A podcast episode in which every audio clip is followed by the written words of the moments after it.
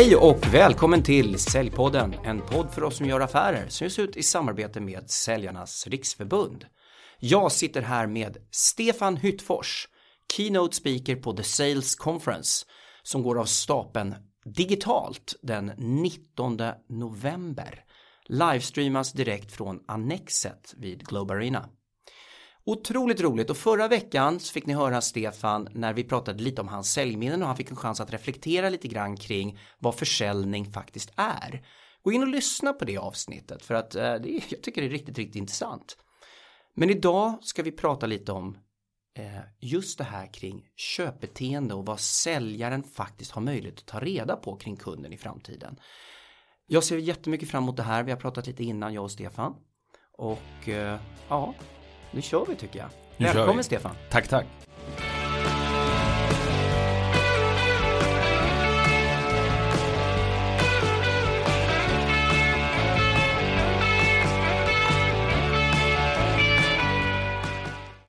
Kan du inte berätta lite för lyssnarna och tittarna vem du är? Eh, jo, jag, jag ska försöka. Jag brukar aldrig prata om mig själv. Det är en utav, vi kan komma tillbaka till varför sen. Jag pratar ju alltid med fokus på den som lyssnar istället för fokus på mig. Men, men visst, jag har en eh, bakgrund. För den som hörde kortavsnittet som du hänvisade till så växte jag upp på eh, tidningsredaktion och har jobbat ganska många år i mediebranschen och sen eh, tog jag klivet över till kommunikations eh, och PR-branschen och sen eh, efter sju år där ungefär så har jag varit eh, fri och ensam eh, som föreläsare i nio år nu. Eh, så det är min yrkesbana. Det finns en röd tråd i det där och det är en konstant eh, fokus på att eh, berätta historier. Eh, oavsett om man gör dem som journalist eller som rådgivare för liksom, eh, kommunikationsperspektivet eller idag som föreläsare.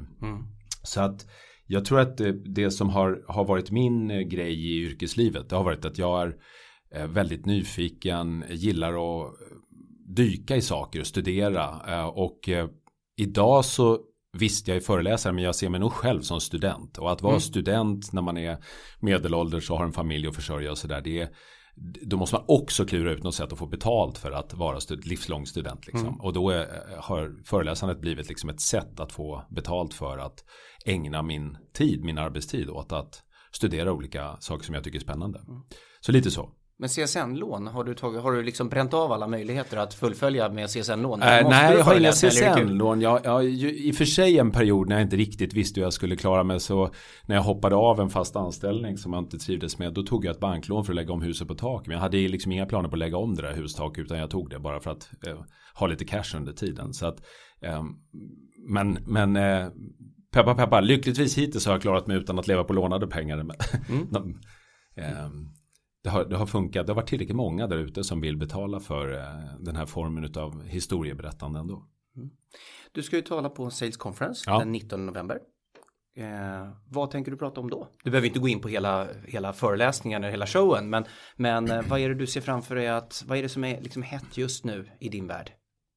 Alltså jag tänker så här, jag tänker inför Sales Conference, eh, det ska bli jättekul f- sätta ihop någonting som förhoppningsvis kan skapa nya tankar i huvudet på de som lyssnar på det. Jag tänker två huvudblock. Först och främst så tänker jag då fokus på det som du sa i påan här. Vad händer eh, när informationstekniken gör det möjligt för oss att skaffa oss så mycket mer kunskap om köparen. Eh, och var befinner vi oss där? Det är liksom, det, så som jag ser det så är det så här, det är lätt. Alla kan liksom hålla med om om jag säger så här att sälja handlar om att förstå köparen. Men sen är det inte alla som kanske börjar reflektera över hur mycket mer information och kunskap vi faktiskt kan förvänta oss få om köparen. Och vad som händer hos köparen när helt plötsligt förväntan och ribban har liksom skjutits upp några steg. Så att köparen helt plötsligt förväntar sig att på riktigt få mycket mera spetsiga riktade erbjudanden kanske som handlar om mina aktuella problem snarare än liksom eh, en, en, ja, en bred hagelsvärm utav pitcher och skott. Så det är den ena. Eh, Och sen den andra den handlar om att också passa på att berätta lite om förändringshastighet generellt i samhället och eh, där tänker jag väl att eh, alltså det, jag brukar säga så här det, förr i tiden så var kunskap och erfarenhet väldigt viktigt. För att om du lever i en tid när du kan förvänta dig att även nästa generation kommer ha nytta av den erfarenhet som jag har. Mm. Då är det väldigt viktigt för, från generation till generation att, att liksom föra över den kunskap och erfarenhet man har på den yngre generationen. Så att de också lär sig det här. Och mm. det blir extra, eller det blir väldigt tydligt om man säger så här för, för länge, länge sedan så var jag tvungen att lära mina barn att fiska och jaga. För det var mm. så man överlevde liksom. Mm. Eh, idag är det inte lika säkert att du behöver kunna fiska och jaga för att överleva. Liksom. För den kunskapen är inte längre per, per automatik livsnödvändig. Nej. För vi har förändrat vårt sätt att leva våra liv. Mm. Och i takt då med att förändringshastigheten hela tiden ökar även i näringslivet. Mm. Så är det inte säkert att kunskap och erfarenhet kommer bli det som för oss framåt. Utan du får glatt räkna med liksom att förändringshastigheten är det som definierar framtiden. Vilket betyder att vår framtid präglas av det som framförallt utav det som, som du och jag idag inte förstår. Mm. Coronaviruset är ju ett bra exempel på det. För nio månader sedan så hade ingen av oss någon aning om vad det betydde. Eh, idag vet alla det. Mm. Och vi har liksom en stridström utav nya sådana, inte nödvändigtvis pandemier, men nya obegripliga nyheter, innovationer, breakthroughs att se fram emot. Mm. Så vår framtid kommer präglas av det som vi och framförallt definieras av det som du och jag idag inte förstår. Mm. Och det gör ju att du som individ inte bara behöver vara liksom förändringsbenägen utan du måste faktiskt eh, du måste eh, lära dig att tycka om det faktum att du vaknar upp och känner att osäkerhet är den enda säkerheten. Mm. Och det är eh, någonting som jag tänker jag ska prata. Så de två bitarna, ja. det här eh, hur ser det ut om vi tittar på liksom förståelsen för köparen och sen eh, perspektivet, du måste lära dig att tycka om förändring. Mm. Förståelse för köparen ska vi fördjupa oss i. Men jag tycker det här är spännande. Det för, förändringstakten ökar. Någonting som jag reflekterar kring, kring corona det är att det är uppenbart att saker förändras. Det kommer nya produkter, tjänster, vi, vi delvis ändrar vårt beteende. Samtidigt så vittnar många säljorganisationer om att de har gått tillbaks till att jobba lite grann som de gjorde för massa år sedan. Mm. Hardcore, fokus här och nu, eh, lyfta luren, jaga, släppt lite på inbound marketing, släppt lite på pull och så vidare för de har inte möjlighet att vänta. Mm. Hur är det här i liksom dåtid, nutid, framtid? Var någonstans ska vi vara? Ja men det, där, återigen, det finns ju inget universellt svar på det där utan jag har stor respekt för ett enormt kortsiktigt fokus. För i vissa lägen så måste man ha ett kortsiktigt fokus. Mm. Och bara för att en sån som jag som, som kanske tänker på de stora samhällsförändringarna och de långsiktiga rörelserna, liksom vad händer med samhället? Mm. Eh, bara för att jag säger en sak så betyder ju inte det att du kan liksom släppa allting här och nu idag och springa på den. Då, de, de flesta organisationer måste kanske fortfarande lägga 95% av fokus på det som faktiskt eh, skapar intäkter här och nu idag. Mm. Eh, men det viktiga om man accepterar tanken på att förändringshastigheten hela tiden ökar och att vi yeah. får en stor eh, tydlig samhällsförändring. Det är ju att man inte kanske har 100% fokus här och nu. Utan att man kanske åtminstone kan allokera 5% eller 3% eller någonting av tiden och resurserna och pengarna till att faktiskt börja experimentera med det som du den riktning du har liksom framåt. Mm. Och då måste man skulle jag våga påstå oavsett eh, hur eh, panikslagen man är så måste man ändå tänka inte bara på nuet utan också lite längre fram. Och då, mm. jag brukar kalla det där för de här trenderna, för det är vissa trender är jävligt lätta att se. Mm. Eh, att, att försäljningen av paraplyer ökar när det regnar, mm. det fattar alla. Mm. Så vissa av de här trenderna kallar jag liksom för paraplyer för att man ska förstå att det här är en no-brainer. Nu mm. pratar alla exempelvis om eh, distansarbete ja. och vad händer med eh, hyresmarknaden för kontorshyror och kan vi liksom klara oss med mindre kontor. De där är, så här, de är ganska logiska och självklara. Men om du lyfter perspektivet och blicken och så funderar lite på så här, vad händer på riktigt med ett samhälle när vi inte längre måste nödvändigtvis åka till kontoret fem dagar i veckan. Ja, just eh, ja då, då måste man ju börja fundera lite på hur lever vi våra liv.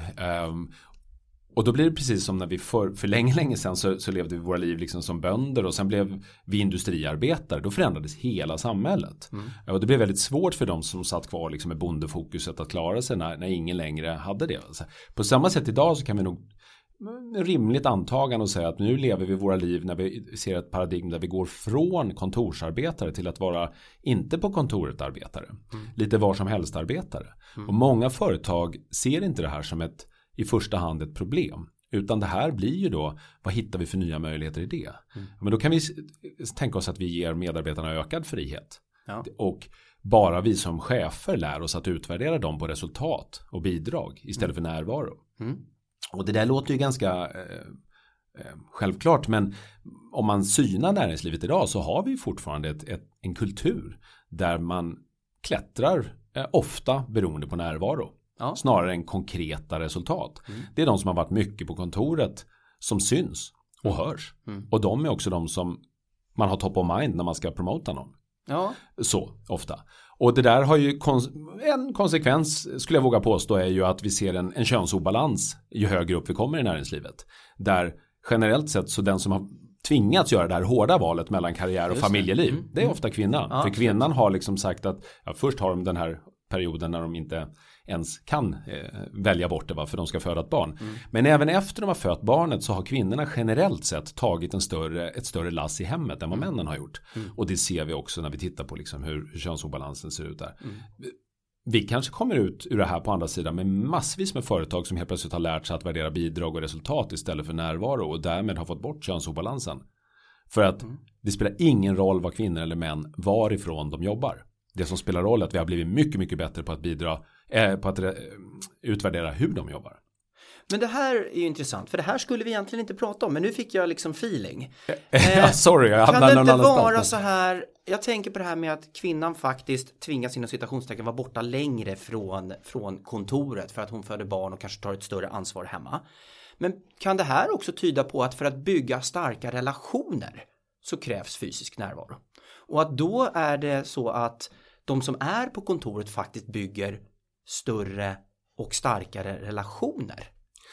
Och det är ju en av bitarna det här. Att jag, som jag sa, jag tror ju absolut att närvaron gör att du är top of mind. För ja. du har en bättre relation. Du mm. känner dig tryggare med varandra. Mm. Och det är ju det som gör att när vi kommer ut ur det här så får vi ju inte glömma bort att det är ju inte så här att vi nu inte mer ska träffas. Nej. Vi är sociala varelser som måste träffas. För det är precis så vi skapar våra relationer. Och du och jag ska eh, självklart se till att träffas så att vi har en så pass bra relation. Så att vi har en väldigt effektiv digital eh, möjlighet att arbeta ihop också. Du kan antagligen inte ha en effektiv digital kommunikation om du inte har en stark relation. Och det är det som kommer bli, tror jag, den nya förståelsen i hela eventindustrin. Mm. Jag är ju väldigt övertygad om att hela mötes och eventbranschen får en jätteboom i slutet 2021 någon gång. Mm. av den enkla anledningen att om vi nu har varit i ja, knappt två, ett och ett halvt år i alla fall i någon form av sån här eh, social distansiering som jag har kallat det. Va? Mm. Eh, då blir den här, helt plötsligt när proppen släpper, möjligheten att skapa en social, social samling Mm. Den eh, blir någonting som alla kommer hoppa på. Mm. För det är precis så vi skapar våra relationer. Och utan de där relationerna så har vi väldigt långt till och det är exakt samma för en säljare såklart. En ja. säljare som har möjlighet att träffa sina kunder under relationsbyggande former och sitta ner och äta en middag och ha ett långt samtal om ditten och datten, inte bara produkten eller erbjudandet. Har ju såklart mycket närmre sen till att liksom komma till snabba avslut med den individen eller den organisationen. Mm. Ja, jättebra, för vi pratar väldigt mycket i den här podden tidigare om att det handlar inte bara om rationella val som kunden gör utan det handlar väldigt mycket om emotionella val och då blir den här relationen en del av faktiskt beslutsprocessen att bygga det. Vi ska prata just om det här med kundens, vi har pratat mycket i podden om hur kunden kan läsa på om säljaren och företagets produkter. Men nu ska vi prata lite om vad säljaren faktiskt kan läsa på och förstå om kunden. Mm. Berätta. Ja men då tänker, det är väl en bra brygga. Du sa de här emotionella valen. Mm. Eh, vi är ju emotionella beslutsfattare. Vi vill ju gärna se oss som rationella. Men vi människor är ju, och det är vår största, om man ska hårdra det så här. Det är faktiskt den största skillnaden mellan oss och maskinerna idag. Mm. Att vi är inte rationella. Maskinerna är ju extremt rationella. Eh, oavsett om du pratar om en, en, algoritm på Amazon eller en självkörande bil så är den extremt rationell. Mm. Eh, och det är problemet där. För att det är väldigt svårt för en rationell eh, maskin att skilja på eh, en glad eller ledsen människa eller en till och med kanske eh, eh, en liten unge som hoppar ut på ett övergångsställe eller en soppåse som blåser ut på ett övergångsställe. För mm. liksom om man tänker så. Men vi är emotionella, så vi får liksom eh, en känsla. Och den där känslan är att någonting är herregud, nu är det här livsfarligt. Eller inte så dramatiskt liksom. Mm. Och känslan eh, är ju på sikt den, den enda stora skillnaden. Och där börjar maskinen, om vi säger nu, eh, komma ifatt även där. Nu pratar man om emotion AI. Och emotion AI betyder då emotionell artificiell intelligens. Inte ja. så tillvida att AI blir emo emotionell. Så AI blir inte som oss att den börjar bli bråkig och skrikig och tjafsig och så här. Nej, okay. eh, och får temper liksom. Bilarna kommer inte köra omkring och peka finger och tuta åt varandra. Det, det, är bara vi människor som gör. Ja. Eh, men det betyder att AI börjar kunna tolka våra känslor. Och, och det här finns redan idag men det är någonting som vi kan förvänta oss att ha i konsumentprodukter till våra mm. telefoner och klockor om bara ja. två år ungefär. Mm. Och det betyder att din telefon kommer veta just nu den här måndag morgonen om du är eh, ja, ledsen eller om du är rädd eller om mm. du är förbannad eller om du är uppåt och exalterad och glad. Och, alltså alla sådana saker. Mm. Och det är klart också att beroende då på hur din känsla är inte bara generellt denna dag utan kanske när du svarar i telefonen. Mm. Eh, kanske hur känslan förändras under ett samtal. Okay. Eh, kanske hur du, om, tele, om, om telefonen, om vi säger, vi kallar det telefonen även om det inte är, det är en, en, liksom, en maskin någonstans i bakgrunden med den här algoritmen som hela tiden kan respondera på, på dina triggers och se hur du reagerar. Mm. Och det är klart att om man tänker sig nu att vi har ett, ett säljsamtal, ett klassiskt säljsamtal. Yeah. Eh, då är det ju såklart väldigt värdefullt om du samtidigt skulle kunna veta hur känslolivet inne i den här hjärnan som du samtalar med live påverkas och förändras. Men hur fångas det här upp menar du? Ja, det fångas ju, än så länge så fångas det upp av teknikföretag och det är teknikföretagen som sitter på den här informationen som sen då kan välja sig för att hur ska de konvertera det här och sälja det här mm. till någon som är villig att betala och det kommer såklart finnas väldigt många som är villiga att betala för den typen av info. Och sen måste ju vi som köpare, vi som om vi säger att vi är brukare, jag som sitter och svarar i en telefon, jag måste ju också bestämma för om jag vill på riktigt dela med mig av den här informationen. Mm. Och då är hela integritets och datasäkerhetsfrågan, GDP, alla de här bitarna. Va? Men där är ju vi i vår del av världen fruktansvärt, vad ska vi säga, ja, vi tycker inte det här är någon big deal. Om du frågar svensken idag så är inte svensken bekymrad över integritet överhuvudtaget. Nej. Utan gemene man säger jag har inget att dölja. Mm. Så enkelheten, eh, det här med att jag får så mycket bättre Eh, respons och jag får så mycket bättre erbjudanden på grund av att min teknik fattar hur jag mår. Mm. Men poängen är ju bara så här att idag så har du en värld där du som säljare kan möta en människa baserat främst på vilka frågor människan har ställt. Ja. Så går jag in på Google och söker svar på eh, nu är jag intresserad av en ny bil eller av en kamera eller av en resa till Paris eller en regnrock eller sånt här. Då helt plötsligt så skapar det liksom en form av avtryck som gör att de som säljer de sakerna skulle kunna respondera och ge mig erbjudanden. Och ja. det är ju så hela annonsbudningssystemet ser ut idag liksom på internet. Och i nästa nivå då, då kan du tänka att då, då är den informationen inte bara om de frågor jag har ställt utan faktiskt också om mitt inre liv. Alltså hur mår jag idag egentligen? Vad har jag för både fysisk hälsa när jag vaknar upp på morgonen efter helgen? Hur slitsam var helgen? Liksom? Vad har jag för blodtryck? Vad har jag för, eh, hur, hur är status i den här kroppen? Mm. Och sen också den emotionella hälsan. Hur ser, hur ser liksom livsenergin och livsglädjen ut den här dagen? Och beroende på det så är det klart att den här informationen kommer att vara väldigt värdefull igen eftersom vi är social, äh, emotionella yeah. beslutsfattare så kan du börja förstå mer om den emotionella statusen till och med kanske i realtid så finns det ju en enorm eh, fördel såklart för den som ska möta den här människan där. Så länge jag delar med mig av den menar du fortfarande eller? Ja, återigen då, det, det kommer självklart att finnas möjligheter för människor att ställa sig utanför. Ah, okay. mm. Eh, mm. Men frågan är inte bara vill du, utan frågan är också kostnaden. Vad är priset för att ställa dig utanför? Ja, för att om jag, om vi tar ett väldigt enkelt exempel, om jag idag delar med mig av min eh, min hälsostatus. Mm. Så att jag låter alla mina värden, min vikt och min längd och min, mitt fysiska rörelsemönster och mitt blodtryck och allting. Jag låter det gå någonstans till något företag. För att det registreras på min arm på min klocka. Då skulle ju löftet eller erbjudandet till mig för att bära den här klockan och dela med mig av datan, det skulle kunna bli bättre hälsa. Mm. Vi kommer se till att hålla dig frisk. Du behöver inte oroa dig för cancer och sånt där. För har du den minsta förändring så kommer AI att fatta det. För den är så pass finkänslig. Mm. Så du behöver inte gå omkring med någonting som växer i ryggen i fem år innan det börjar göra ont. Och mm. då gå till doktorn.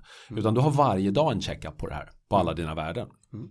Det låter ganska lockande, eller hur? Ja, För då får du perfekt hälsa. Mm. Men priset blir ju att du betalar med datan. Och då är mm. frågan, vem eh, får tillgång till den där datan? Mm. Och den dagen då som ditt livförsäkringsbolag ringer upp dig och säger att nu har vi justerat prispolicyn här Exakt. för att du lever ett liv som inte vi uppskattar riktigt. Va? Mm. Då låter det inte lika lockande. Nej. Då är det lite Kina och lite övervakning helt plötsligt. Mm.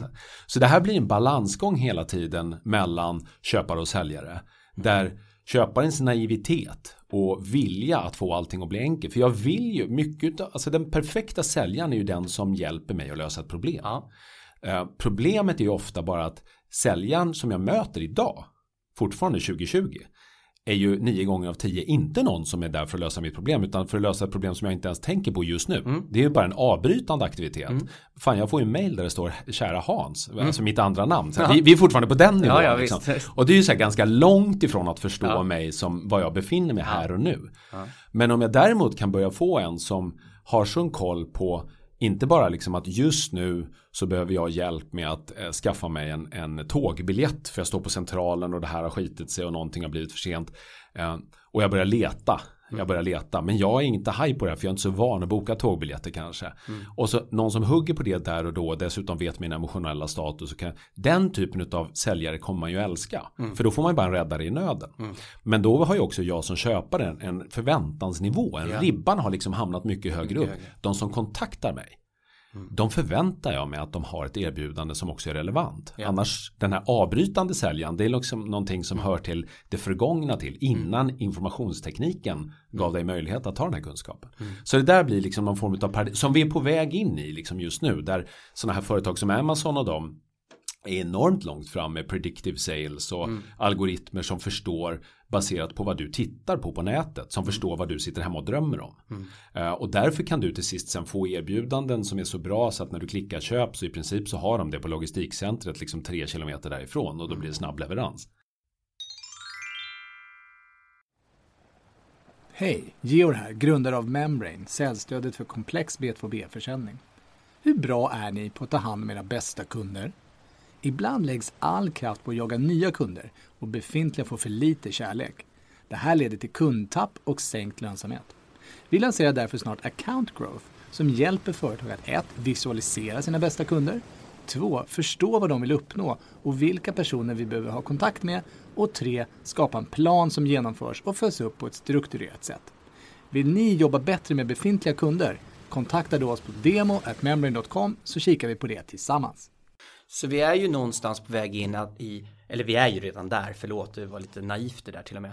Eh, kampen mellan det positiva som tekniken kan ge oss versus det skrämmande vi kan uppleva beroende på hur det här används. Helt enkelt av teknikföretagen, av köpare eller av säljare då i, i den här världen som Säljpodden vänder sig till. Alltså det där är ju ett sätt att definiera teknik Generellt. Genom historien. Mm. Det har ju alltid varit så när tåget kom var det livsfarligt och skrämmande. Och, mm. och vissa tycker, alltså alla tycker så här mm. spännande eller skrämmande. Mm. Och så ska vi ofta, när vi tittar på teknik så ska vi ofta ganska snabbt eh, ge oss in i en diskussion om det här är bra eller dåligt. Mm. Och teknik är aldrig bra eller dåligt per definition. Nej. Utan teknik gör ju bara att vi helt plötsligt kan lösa våra problem med hjälp av tekniken på ett nytt sätt. Mm. Och det kan ju bli fruktansvärt dåligt för vissa. Mm. Eh, en självkörande bil är ju, det är ju lätt att förstå att den blir ju fruktansvärt dålig om du vill behålla jobben i taxibranschen. Ja. Eh, det är jättelätt att Absolut. förstå. Men den är ju fruktansvärt bra om du bara tittar på aspekten att eh, det dör 1,2 miljoner människor liksom i trafikolyckor här. Mm. Och, och, då är det så här. Um, Förlåt, nu sa jag 1,2 miljoner. Nu, nu, det är inte globalt på året. Men, men det dör väldigt många människor i trafikolyckor. Mm. Mm. och säkerhetsnivån kommer höjas. Och då är det fruktansvärt bra. För då kommer ju eh, trafikdöden att minska. Mm. Så att det beror alltid på liksom vilket perspektiv du har när du tittar på tekniken. Och så mm. är det med den här med. Mm. Att du har ju din... Alltså vi skulle ju inte, om, om telefonen per definition var dålig. Då skulle vi ju inte ha den klistrad liksom hela Nej. dagen i handen så. Nej. Utan det finns ju massvis som är bra med den också. Mm. Eh, men som sagt, sen finns det ju Hela tiden perspektiv på det här. Och, och, det handlar ofta om liksom vilken sida av myntet du synar den ifrån. Men om vi tittar, du, du pratar ju mycket egentligen makrotrender för ett samhälle eller eller vad vi nu eh, definierar den delen. Om vi pratar mikro nu då och pratar Lisa och Johan som ja. befinner sig där ute och är säljare som lyssnar på det här. Vågar du ge dig på liksom ett förhållningssätt eller så mycket som något konkret råd? Svårt för mig att definiera den frågan tydligare än så. Nej men det, jag tror ju att förhållningssättet generellt, och återigen det är ju det jag tänker prata lite om också, det är ju det här att på riktigt äh, börja dels acceptera det faktum att livet ser ut så här idag. Mm. För det, alltså framgång i framtiden kommer aldrig handla om att gissa rätt och sitta och ha förutspåelser om hur blir det om tio år. Utan framgång i framtiden handlar alltid om förståelse för nutiden egentligen. Mm. Så att när du tittar på de här företagen som Amazon eller Tesla eller alla de här som vi pratar om Google och de, så här, de är ju framgångsrika för att de har varit jäkligt duktiga på att förstå nuet. Mm. Men då är det så här, vilka problem finns det på riktigt idag och vilka möjligheter finns det idag? Och då måste ju, vad sa du, Nisse och Lisa, men då måste ju ja. de här människorna som sitter och jobbar, oavsett vad man har för perspektiv, så måste man ju då också klara att inte bara studera nutiden, utan också acceptera den. Mm. Just det. Och det är ju först när du accepterar nuet mm.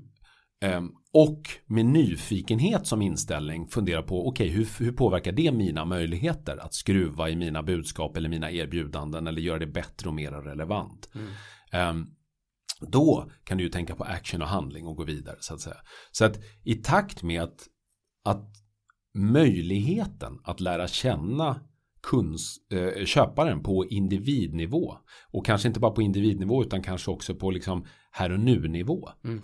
Att den möjligheten kommer att öka, den kommer ju öppna upp enorma möjligheter för de som ser det och tar det. Mm. Uh, och på samma sätt så kommer den göra livet väldigt svårt för de som ligger kvar i någonting och inte ser det och inte tar det så att säga. Jag tänker några scenarios här eh, och se om det här är vettiga frågor. Men för en, en transaktion, köpare säljare som, som köper någonting transaktionellt på nätet. Alltså direkt bara jag googlar, klickar, handlar. Då påverkar det här oss redan idag ganska ordentligt. Mm. Mm. Om jag går in i en butik någonstans i Stockholm på Stadium även där kommer då butiken kunna se hur jag känner, tänker, sinnesmode när jag kommer in. Är det det du tänker här? Alltså jag tänker så här att till, till att börja med så håller ju hela den här, det som du beskrev nu, det håller ju också på att förändras att den transaktionsköpet, mm. det är ju på väg att automatiseras. Ja. Så du kommer ju ha en mängd olika tekniska applikationer i hemmet som gör att um, när du behöver nya prylar, alltså man pratar om så här enkla exempel som att um, om du har sensorer som känner av saker i soporna eller kylskåpet så vet de när det är dags att liksom mm. beställa ny mjölk och sådana här saker. Så mm. transaktionsköpet är ju mer och mer ett automatiserat köp yeah. i framtiden. Mm. Och det pratar man redan om att e-handel blir A-handel, alltså automatiserad mm. handel. Liksom. Mm. Och automatiserad handel behöver inte bara vara liksom att nu är tonen till printen slut så den är självklart då bara automatiskt beställd ny. Utan automatiserad handel kan också vara det som jag sa predictive sales. Så yeah. att det finns en algoritm som förutser vad du faktiskt skulle vilja ha. Mm. Så att, och bara det faktum att du har suttit hela sommaren och tittat på människor på Instagram som har paddlat kajak liksom. Och ihop med att eh, du och din fru ska fira bröllopsdag i april. Och mm. ihop med att ekonomin ser ut så här och din kalender ser ut så här. Så gör det så att då får kanske din fru ett paketerat erbjudande som säger så här. Eh, kajakäventyr i Lofoten yeah. mm. eh, i april. Mm om du bokar nu så kan du få 20% si och så och det är så här, och ni har tid i kalendern. Mm. Så här, det blir väldigt bra tips helt plötsligt mm. för det är så här mm. predictive sales. Det här Absolut. kommer du nappa på liksom. Ja. Så att transaktionerna kommer liksom att att vara en sida av det här. Och då mm. har vi ju bara relationerna kvar egentligen. Mm. Och det är klart att när jag går in i en butik då gör jag det av en mängd olika anledningar annat än att jag bara kanske har en ren transaktion i sikte. Exakt om, om det mesta av transaktionen ändå är någonting som snurrar och är automatiskt till och med. Mm. Då behöver jag liksom inte besöka butiken för det. Mm. Och då blir ju butiken så som man har pratat om ganska länge ändå i, i liksom den, hela den här e-handelsutvecklingen långt innan corona. Då blir ju butiken mer och mer en mötesplats. Alltså en, butiken blir liksom man kan kalla det för eh, acquisition snarare än sales. ja. Där kan du skaffa dig kunder beroende på vilken upplevelse de får. Så om du åker till Starbucks eh, flagship store i Shanghai nu så är det ett rosteri där du lär dig om kaffe snarare än att du dricker och köper kaffe. Liksom så att det, där handlar det bara kanske om den här med eh, att möta människor. Eh, Bygga varumärke, inspirera. Och, och idag då så kanske butiken är ett medieköp snarare än ett liksom point of sale köp. Eh, Om, om du tänker det. Och det kommer ju också förändra då. För då blir ju synen det här på att ta en eh, kvadratmeter hyra baserat på omsättningen och sånt. Den blir lite konstig kanske. Om det här är ett medieköp vi pratar om. Så, att, så mycket av det här kommer ju glida och förändras i takt med att vi börjar förstå att de här fysiska ytorna i samhället kommer nyttjas till någonting nytt. Otroligt spännande och det här är delvis det du kommer prata om på The Sales Conference i Stockholm den 19 november. Ja, jag har inte satt ihop det där pratet än, men det är, det är sådana här tankar som jag kommer Ja. bygga de här historierna av så att man ska få dels en påminnelse av saker som man redan känner till och hört talas om, men kanske förhoppningsvis få ett nytt sätt att se på dem och tänka på dem. Att det där har man inte hunnit eller reflekterat över på det sättet. Så när, det jag gör är ju inte att jag liksom lär ut någonting som, som är helt eh, eh, ja, det här är essentiell kunskap som du måste ha. Utan jag provocerar och inspirerar ofta genom att skruva på olika historier som vi kanske har hört talas om men inte riktigt tänkt på hur de kommer att påverka oss. Mm. Nej men när man hör den här typen av resonemang så finns det ju en del i en som, oh herregud. Men sen finns det ju en annan del, och vi är redan här på något vis, det händer hela tiden. Så att eh, jag har ju gärna gäster som du, vi har haft Henrik Larsson Broman med tidigare och pratat om trender. För att vi behöver röra oss liksom från reflektion till aktion här och nu. Och jag tycker du, du förmedlar det här på ett, på ett väldigt spännande sätt. Har du någonting annat du vill dela med dig av innan vi skiljs åt här idag som du känner att, nej men sjutton det här, det här är lite Ja, det, det är väl i sånt fall då den här andra biten som jag tycker är så enormt viktig som, som handlar om ditt förhållningssätt. Där, som jag sa, där, där det är ganska lätt för oss att glömma bort hur Dels eh, har vi liksom, det är nästan stigmatiserat ordet förändring. Ja. Och förändring är ju inget svårt alls. Det är det enda oundvikliga och det mest naturliga som finns i livet. Du, du och jag har förändrats under bara det här samtalet. Men vi uppfattar inte det riktigt. För vi är dåliga på den här mi- millisekund. Och så, här. så du har inte sett att dina naglar har vuxit lite och sånt Nej. där. Men det gör de hela tiden. Eh, Ska vi uppfatta förändringen då måste vi liksom skapa det i ett tidshorisont som, som vi klarar av att se. Så att, eh, och den är ofta så här att ska du se det på dig själv så då vill du hitta ett foto som är tio år gammalt. Då ser du förändringen. Då ser du så här fan grym jag är. Jag har liksom ändå, eller, men, men jag har klarat det här liksom och jag har verkligen förändrats. Och om vi nu då accepterar tanken på att vi lever i en värld som inte längre definieras av två faser. Förr var det liksom en kunskapsfas, du gick i skolan för att lära dig något. Eh, Och sen blev du klar. Och det var liksom inte bara så att du blev klar symboliskt och fick ett diplom. Eh, utan du blev klar och därmed var du i fas två som var kapitaliseringsfasen. Ja. Nu ska du jobba och tjäna pengar på din kunskap. Du ska kapitalisera på den. Ehm, och nu vet ju alla idag att det, det kanske inte räcker längre att bara liksom ha skaffat sig en examen och sen är det fine. Utan nu har vi kommit in i något ständigt lärande perspektiv även i skolan. Men så också blir det ju i yrkeslivet. Och det är ju därför som de här ständiga förändringsresorna som vi nu liksom bara får vänja oss vid. Blir liksom den enda eh, riktigt säkra eh, om, om du bara ska tänka hur blir fortsättningen, den blir en ständig utvecklingsresa. Vi kommer aldrig vara klara. Så det blir, vi kan glömma det här med en förändringsprocess som har ett slut. Och sen är vi klara och så sätter vi den nya organisationen. Så blir det inte liksom. Utan hastigheten är det vi ska fokusera på. Inte förändring som sådan. Och hastigheten, den som vi kan ha svårt för. Alltså ett virus som vi har i år, det är ju jättebra exempel på hur hastigheten är det som skapar problemet. För om coronaviruset spred sig långsamt så skulle vi inte ha så svårt att tackla det. Nej. Utan det är den snabba spridningen som har fått till följd att det blev en global, eh, att det blev en pandemi då. Och eh, på samma sätt så finns det ju ett problem även med långs, alltså klimatförändringarna skulle vi antagligen agera mer snabbare på om de kom snabbare. Men nu har vi så långsam hastighet kan vara ett lika stort problem Ja. som snabb hastighet Ja. för oss att hantera. För vi får för oss att vi fortfarande har liksom tid. Eh, och om vi studerar hastigheten lite mer beroende på vilken bransch vi är i, beroende på vilket liksom jobb du har och så, så kan du ganska ofta konstatera att vissa saker kanske inte är eh, så att jag måste rycka sönder allting och förändra allting här och nu.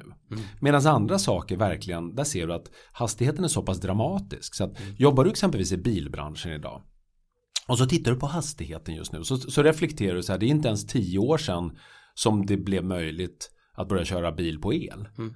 Uh, och redan idag då så är det någonting som vi börjar se runt om oss i samhället här och var. Och i vissa samhällen där, där, man ser att man verkligen kan förändra med politik som i Norge så är varannan ny bil en elbil i försäljning. Mm. Och så nu här om veckan då så hade eh, teknikledarna då i det här läget, Tesla, då hade de sin batteridag där de presenterade att nu har de knäckt nöten. Så nu kan de effektivisera både prestanda och pris och alltihopa mycket mer. Och vi vet ju det om teknik, att det har liksom alltid två egenskaper. Mm. Det blir billigare och effektivare med tid. Mm. Och det de sa då, slutsatsen av det, det här långa aktieägarmötet, mm. det var att om tre år så har de antagligen en Tesla för 25 000 dollar. Ja. Och Elon Musk, han är tidsoptimist, så det mm. kanske, men säg att det är fem år då. Ja.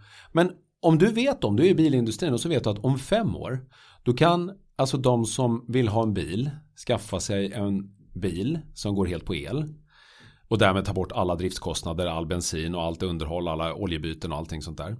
För eh, 250 000 spänn om de någonting liknande. Va? Mm.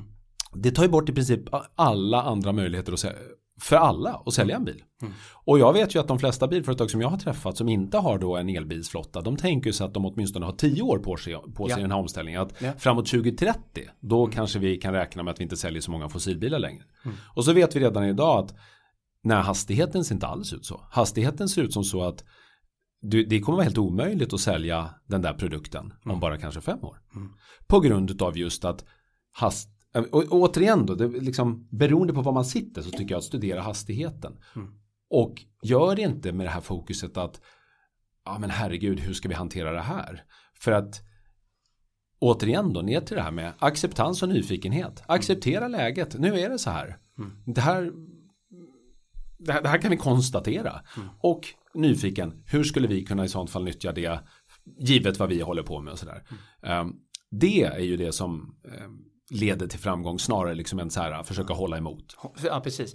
Äh, otroligt fascinerande. Jag satt och reflekterade kring en väldigt märklig sak avslutningsvis och det är ju det att tänk och också koppla till det här vad tekniken skulle kunna säga till mig.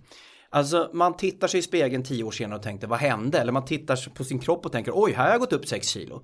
Tänk om man, och den förändringen då den pågår ju hela tiden. Tänk om jag fick små indikationer snabbare också som gjorde att jag kunde sätta in förändringarna snabbare. Det har hänt många gånger man vaknar upp och säger shit vad hände här då? Liksom, tittar ner på sin mage. Och tänk om tekniken hade kunnat hjälpa mig med de små detaljerna tidigare. Ja, och det där är en jätteviktig reflektion för det är precis det som är en av grundstenarna i det här. Mm. Att vi är ju alla sådana som människor så att vi kan, vi kan triggas på olika incitament. Mm. Men det är ju väldigt lätt att ändå tänka att alla någonstans triggas utav eh, den här eh, kontinuerliga mm. eh, rapporter, alltså, så att har du då teknik som berättar för dig mm. att just nu så är du på väg åt det här hållet. Mm. Eh, och därmed då, det var därför jag sa det att det är ganska lätt att se att det, ett av de absolut största tillväxtområdena inom teknik i framtiden det är hälsa, hälsotech. Mm. Yeah.